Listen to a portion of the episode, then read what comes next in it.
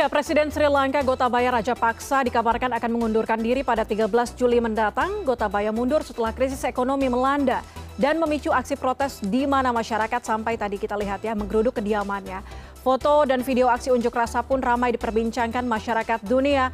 Kita bahas soal krisis ekonomi di Sri Lanka bersama dengan Fajar Bambang Kirawan, Kepala Departemen Ekonomi CSIS. Pak Fajar, selamat malam. Selamat malam Mbak Puspa. Pak Fajar, terima kasih sudah bergabung bersama kami. Uh, kalau kita bahas soal krisis ekonomi yang terjadi di Sri Lanka, kita mundur ke 2019 sebelum pandemi.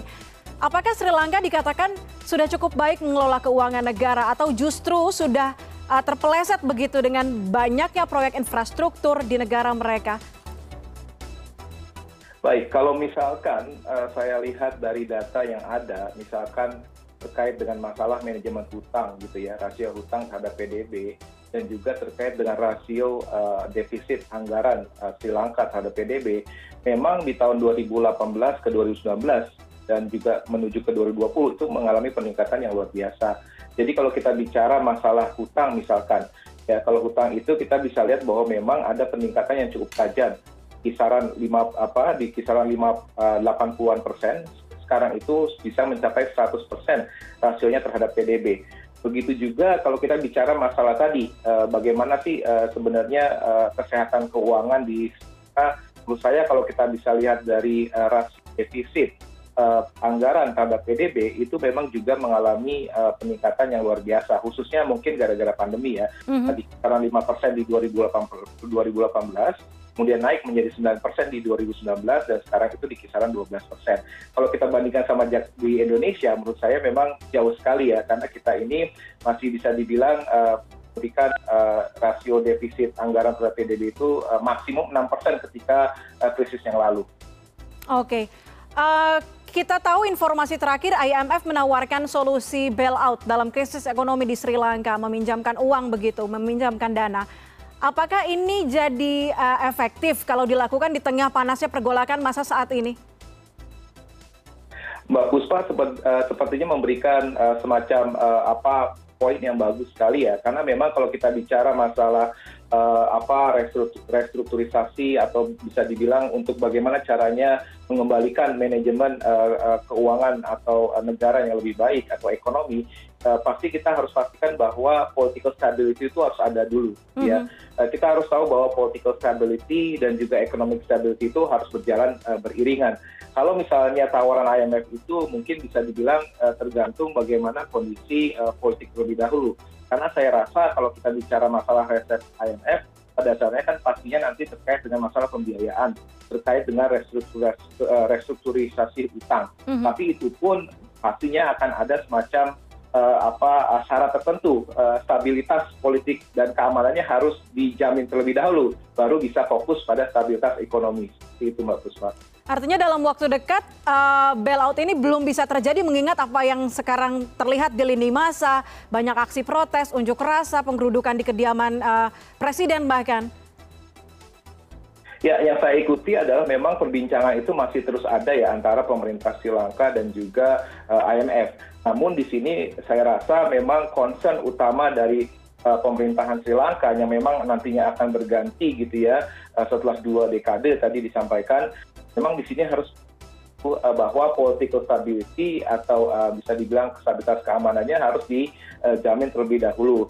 Baru setelah itu mungkin kita uh, mereka akan fokus pada masalah stabilitas ekonomi yang mungkin salah satunya bagaimana cara menyehatkan kembali keuangan negara dan juga bisa dibilang berusaha untuk merestrukturisasi utang yang memang ini menjadi salah satu catatan bagi pemerintahan Australia, pemerintahan Sri Lanka. Oke, okay. kalau kita bahas tadi uh, political uh, apa namanya political um, kalau melihat dari Sri Lanka begitu ya, stability, ya stability. Sri Lanka terlihat kehilangan kepercayaan begitu antara uh, negara lain dari negara lain dan juga organisasi internasional lain. Ini mundurnya presiden nanti tanggal 13 Juli mendatang. Jadi lampu hijau artinya bisa mengembalikan situasi dan juga renegosiasi dengan investor atau kreditur?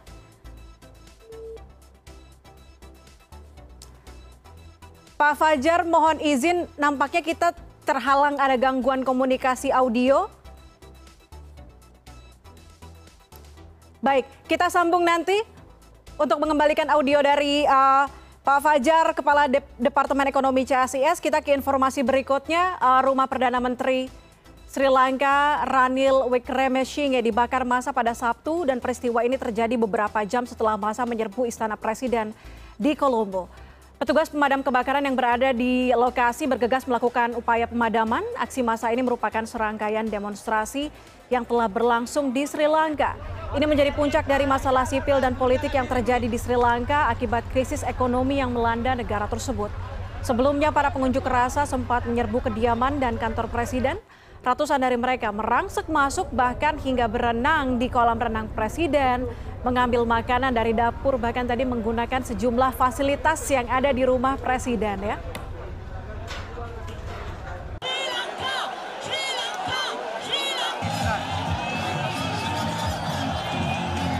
Bergabung kembali uh, Fajar Bambang Kirawan, Kepala Departemen Ekonomi CSIS. Pak Fajar bisa mendengar suara saya kembali?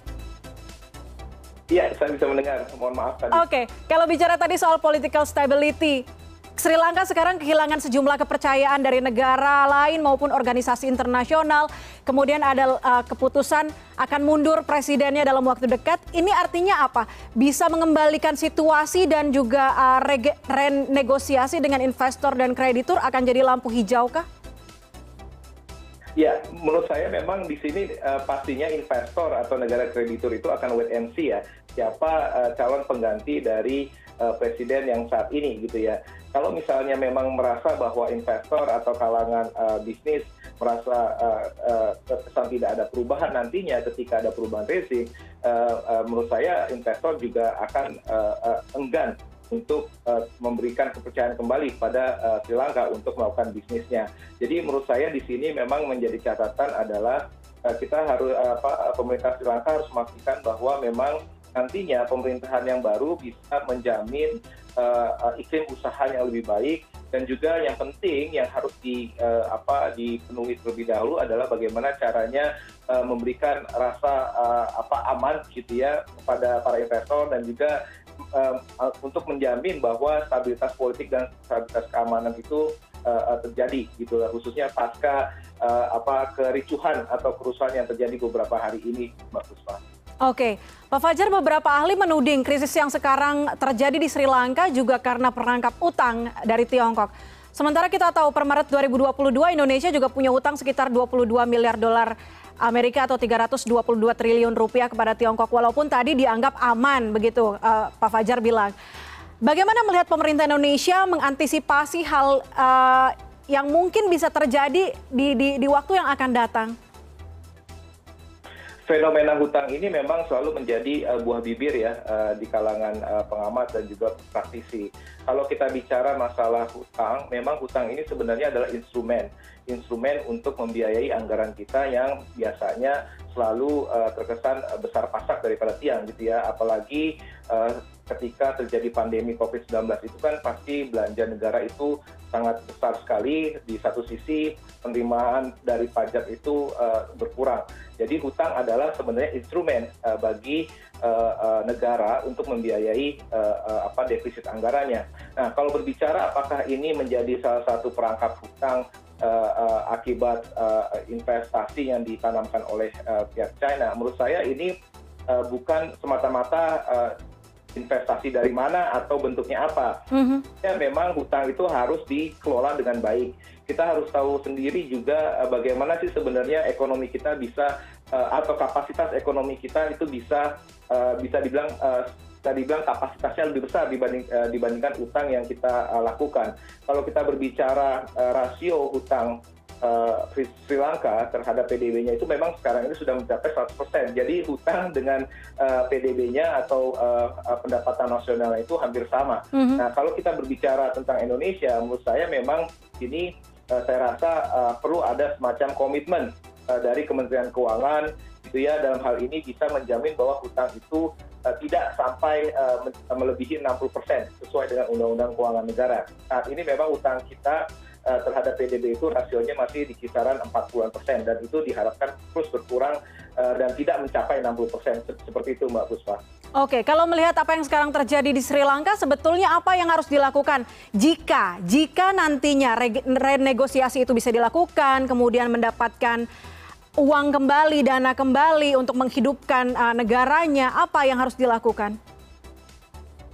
Menurut saya kata kuncinya adalah reformasi reformasi di skala bidang ya, khususnya di sektor uh, perekonomian. Jadi menurut saya tata kelola ekonomi itu harus diperbaiki.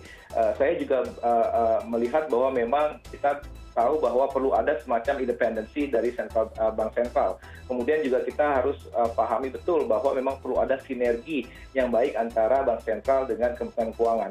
Jadi menurut saya hal-hal seperti itu manajemen uh, keuangan atau manajemen ekonomi di suatu negara itu memang uh, sangat bergantung sekali pada siapa otoritas fiskalnya dan siapa otoritas moneternya dan bentuk uh, implementasi kebijakannya seperti apa. Jadi menurut saya itu yang harus dibenahi terlebih dahulu dan kemudian kalau kita bicara masalah dari political aspeknya memang di sini salah satu uh, masalah Sri Lanka itu juga kan tadi disebutkan bahwa adanya politik dinasti mm -hmm. dan juga ada semacam uh, rezim yang korup. Nah menurut saya itu adalah uh, PR terbesar bahwa harus melakukan reformasi besar-besaran, reformasi struktural, reformasi birokrasi, menurut saya uh, hampir semua negara yang pernah mengalami krisis perlu melakukan reformasi dan itu menurut saya juga menjadi salah satu uh, resep yang biasanya diberikan oleh uh, uh, negara-negara yang membantu ataupun organisasi internasional seperti IMF seperti itu Mbak Puspa. Oke, kalau kita belajar dari krisis ini dan juga belakangan meroketnya nilai inflasi saat ini, apa yang perlu dipahami dan juga disadari oleh masyarakat, masyarakat kita khususnya, agar terhindar dari gejolak resesi? Mungkin yang perlu dipahami oleh masyarakat adalah bahwa memang betul ekonomi saat ini tertekan. Tertekannya itu baik dari sisi eksternal maupun dari sisi internal. Dari sisi eksternal kita tahu bahwa perang masih berkecamuk antara Rusia dan Ukraina. Bahkan gangguan pada rantai supply global uh, yang bisa menyebabkan kenaikan harga-harga uh, pangan dan energi. Nah ini menurut saya harus disiasati dengan uh, kebijakan yang baik khususnya di sektor fiskal kita harus paham betul bahwa memang kita harus beri eh, bantalan-bantalan atau buffer bagi masyarakat yang berpendapatan tengah ke bawah untuk diberikan bantuan sosial. Karena apa? Karena memang mereka harus di uh, apa harus dilindungi gitu ya sehingga nanti daya beli masyarakat tetap terjaga dan inflasi masih tetap terjaga. Saat ini di Indonesia pun sebenarnya ada tren kenaikan uh, inflasi. Namun di sini kita harus pahami betul bahwa memang uh, pemerintah masih berperan sangat penting di sini untuk menjaga uh, harga barang-barang gitu ya, khususnya harga barang-barang yang diatur pemerintah atau administered price. Maka dari itu core inflation-nya setidaknya masih dalam kisaran uh, 2 sampai 4 persen sesuai dengan target inflasi dari Bank Indonesia. Oke, kita kalau ngomongin soal krisis ekonomi nampaknya akan panjang, apalagi kalau kita belajar dari krisis ekonomi di Sri Lanka. Tapi uh, terima kasih banyak atas informasinya, Fajar Bambang Kirawan, uh, Kepala Departemen Ekonomi CSIS, sudah bergabung bersama kami malam ini di CNN Indonesia Connected.